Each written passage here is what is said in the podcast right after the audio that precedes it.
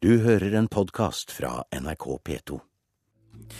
Og så er det Politisk kvarter. Offentlig ansatte i Europa må kutte lønningene, men her hjemme blir det storstreik fordi de ikke får 4% lønnsøkning. Og vi lurer på hvordan Union-leder Anders Folkestad forsvarer det.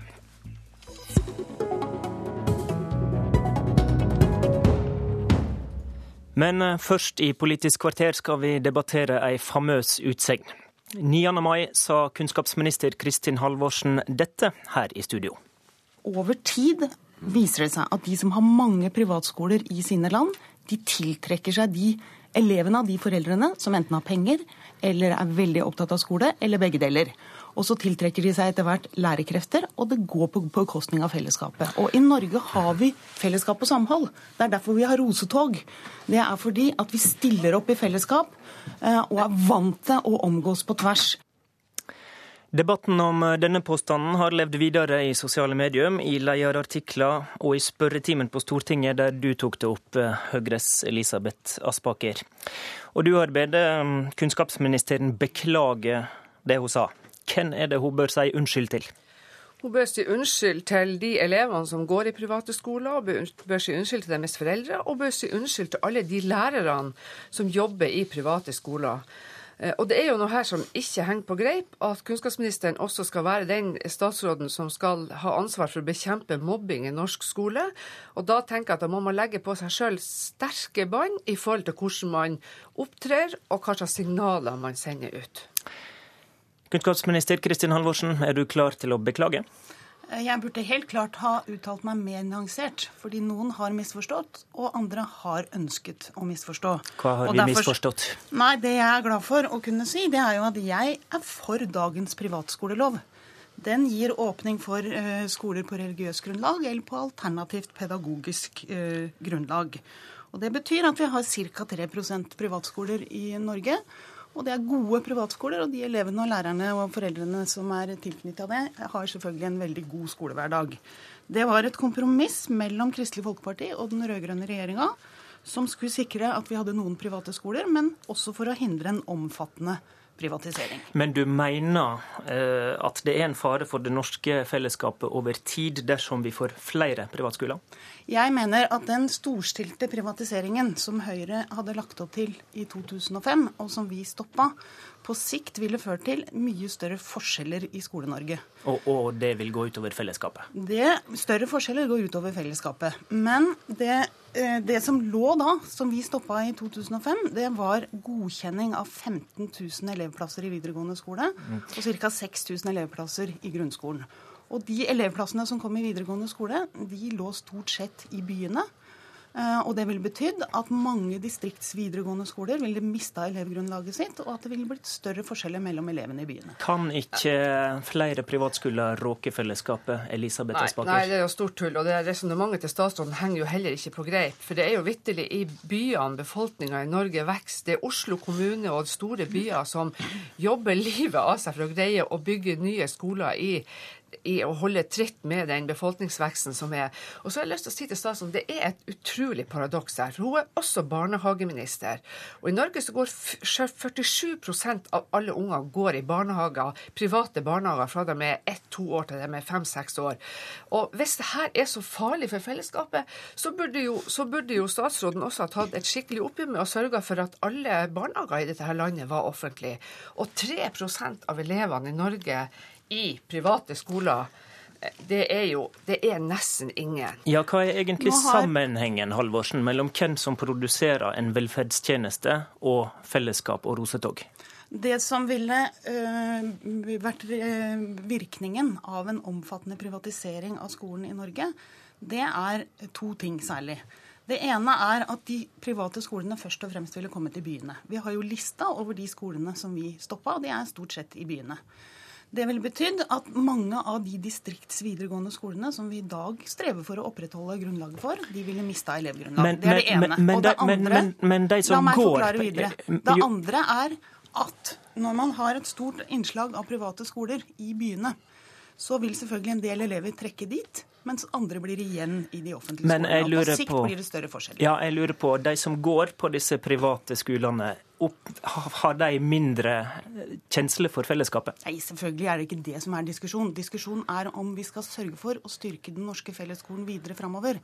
Ja, for, det, for det går utover fellesskolen, da. Jo, men, men det, er helt, eh, det er avgjørende viktig for oss at vi har en felles skole av god kvalitet som alle elever har mulighet til å gå på. Uansett om de har god råd eller dårlig råd. Norge har blitt et rikt land fordi vi har hatt en god eh, fellesskole, og fordi alle hadde mulighet til å utnytte sitt eh, potensial. Hvis vi f.eks. ser til Sverige, som har gjennomgått mye av den privatiseringsbølgen som Høyre nå ønsker å innføre. Og Det er viktig at velgerne vet at dette er altså den viktigste skolepolitiske saken for Høyre. Ja, da skal- det sa da skal Elisabeth Aspaker med senest til VG. Men Eh, da vil det bli mye større forskjeller i den norske Hør, skolen. Elisabeth Aspaker, er målet for Høyre med å ville ha flere privatskoler, er det å styrke fellesskapet?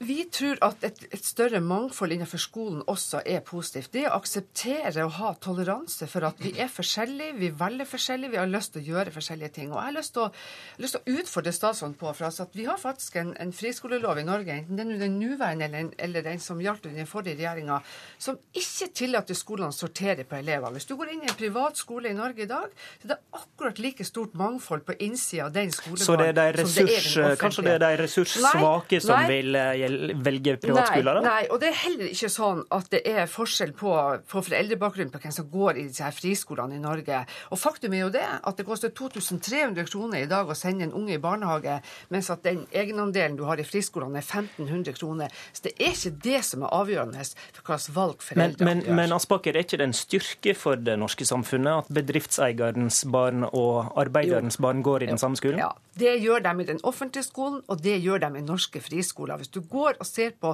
hvordan elevsammensetninga er i norske friskoler, så er den sånn at der går barn av alle, med, med foreldre med alle slags bakgrunner. Ja. Du er jo ikke redd for denne forskjellen i barnehagene, Kristin Halvorsen? Nei, men jeg syns det er interessant å se til Sverige. De har nå gjennom de siste ti år gjennomført en omfattende privatisering av sin skole. Det betyr at ca. 25% av elevene på videregående nivå i Sverige går i private skoler. Og det er ikke vellykket det som har skjedd på skolefronten i Sverige de siste ti årene. Derfor bør ikke vi eksperimentere med vår skole på samme måte. Det er, de, er det de rikes barn som velger Det privatskoler er i Sverige? Det er større forskjeller mellom skolene, og det er større uh, forskjeller mellom hjemmebakgrunn enn uh, det var tidligere.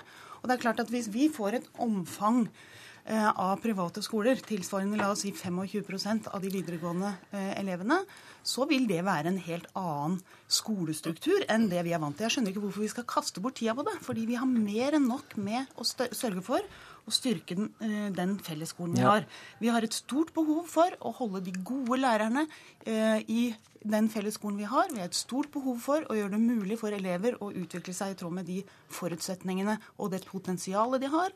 Få til mer variert og praktisk undervisning innenfor den skolen, sånn at flere kan lykkes og flere kan bli inkludert. Hvorfor skal vi gjøre på- dette eksperimentet, Aspaker? Altså, Nå får Sverige være Sverige og Norge være Norge, men vi kan også se til Nederland, som har et betydelig større innslag av private skoler enn det vi har i Norge, og de gjør det kjempegodt altså, i forhold til disse internasjonale testene. Og jeg har lyst til å si at Nå må, det, nå må, vi, få, nå må vi få fokus på innhold og resultater i norsk skole, og ikke være så opptatt av hvem som eier skolen. Høyre vil ha en sterk og, og tydelig og god offentlig skole, men vi aksepterer også at det er noen foreldre og noen elever som foretrekker et annet tilbud. Og da bør vi ikke være så redd for det, men vi må heller si at det er berikelse at vi kan ha et mangfold på skolesiden. Men dette er jo ikke det Høyre foreslår. Nå har Elisabeth Aspaker akkurat sagt at den viktigste saken på skoleområdet, det er å privatisere skolen. Nei, det Og- har ikke, det har Jo, ikke jeg det har du sagt til VG denne var, uka. Nei, det var det VG skrev, men det jeg sa var den viktigste saken for Høyre. Det var faktisk et gigantisk kompetanseløft for norske lærere, der regjeringa dessverre skrubber. Uansett er det sånn at dere ønsker å eksperimentere med norsk fellesskole og sette i gang en storstilt privatisering. Det er bortkasta krefter. jeg eh, har en mistanke om at debatten holder fram utenfor studiodøra. Takk til Kristin Halvorsen og Elisabeth Aspaker.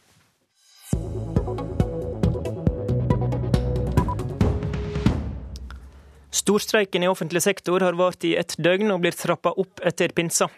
Statsminister Jens Stoltenberg mener arbeidstakerne forventer for mye, og vi skal høre litt mer av hva han sa i intervju med NRK i går. Jeg ser at forventningene er veldig høye. Eh, så høye at de ikke kan eh, innfris. Og selv om vi legger opp til fortsatt sterk vekst i lønningene i Norge, så må vi sette noen grenser. Og vi satt noen grenser for å sikre at vi fortsatt har en god utvikling i norsk økonomi i en tid hvor man ute i Europa sliter med høy ledighet og store problemer. Det er en usikkerhet vi er nødt til å ta hensyn til også i lønnsfastsettelse i Norge. Frykter du at denne åpne konflikten med noen av regjeringa sine kjernevelgere kommer til å skade regjeringa? Jeg er veldig trygg på at våre velgere forstår at uh, vi er nødt til å ta hensyn til helheten i økonomien.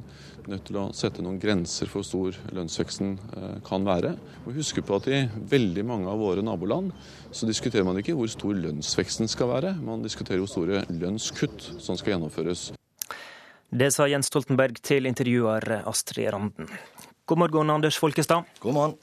Du er leder for Unio, kjernegruppene i offentlig sektor. Jeg lurer på, har du i løpet av det første streikedøgnet tenkt litt på greske lærere og spanske sykepleiere som mista jobben? Det, det, er ikke det, det jeg har tenkt mest på dette første døgnet. Men jeg har svært hyppig kontakt med uh, kollegaer, fagforeningskollegaer i, eh, i Europa. Eh, og de vil det også forstå og støtte oss i at vi kan ikke ha en situasjon innenfor den norske økonomien som baserer seg på at eh, offentlig sektor skal tape kontinuerlig i forhold til lønnsutviklinga i, i, i, det private. Og det er det denne striden handler om. Vi kan ikke godta at vi år for år skal bli hengende mer og mer etter. Du er redd for lønnsgapet. Du er altså ikke redd for eh, gapet mellom Norge og verden rundt oss, da? Det er et eh, stort paradoks eh, at Norge har en så sterk økonomi når mange land rundt oss ligger dårligere an. Dette paradokset er jo det regjeringa og statsministeren ikke minst framhever som den norske suksessen.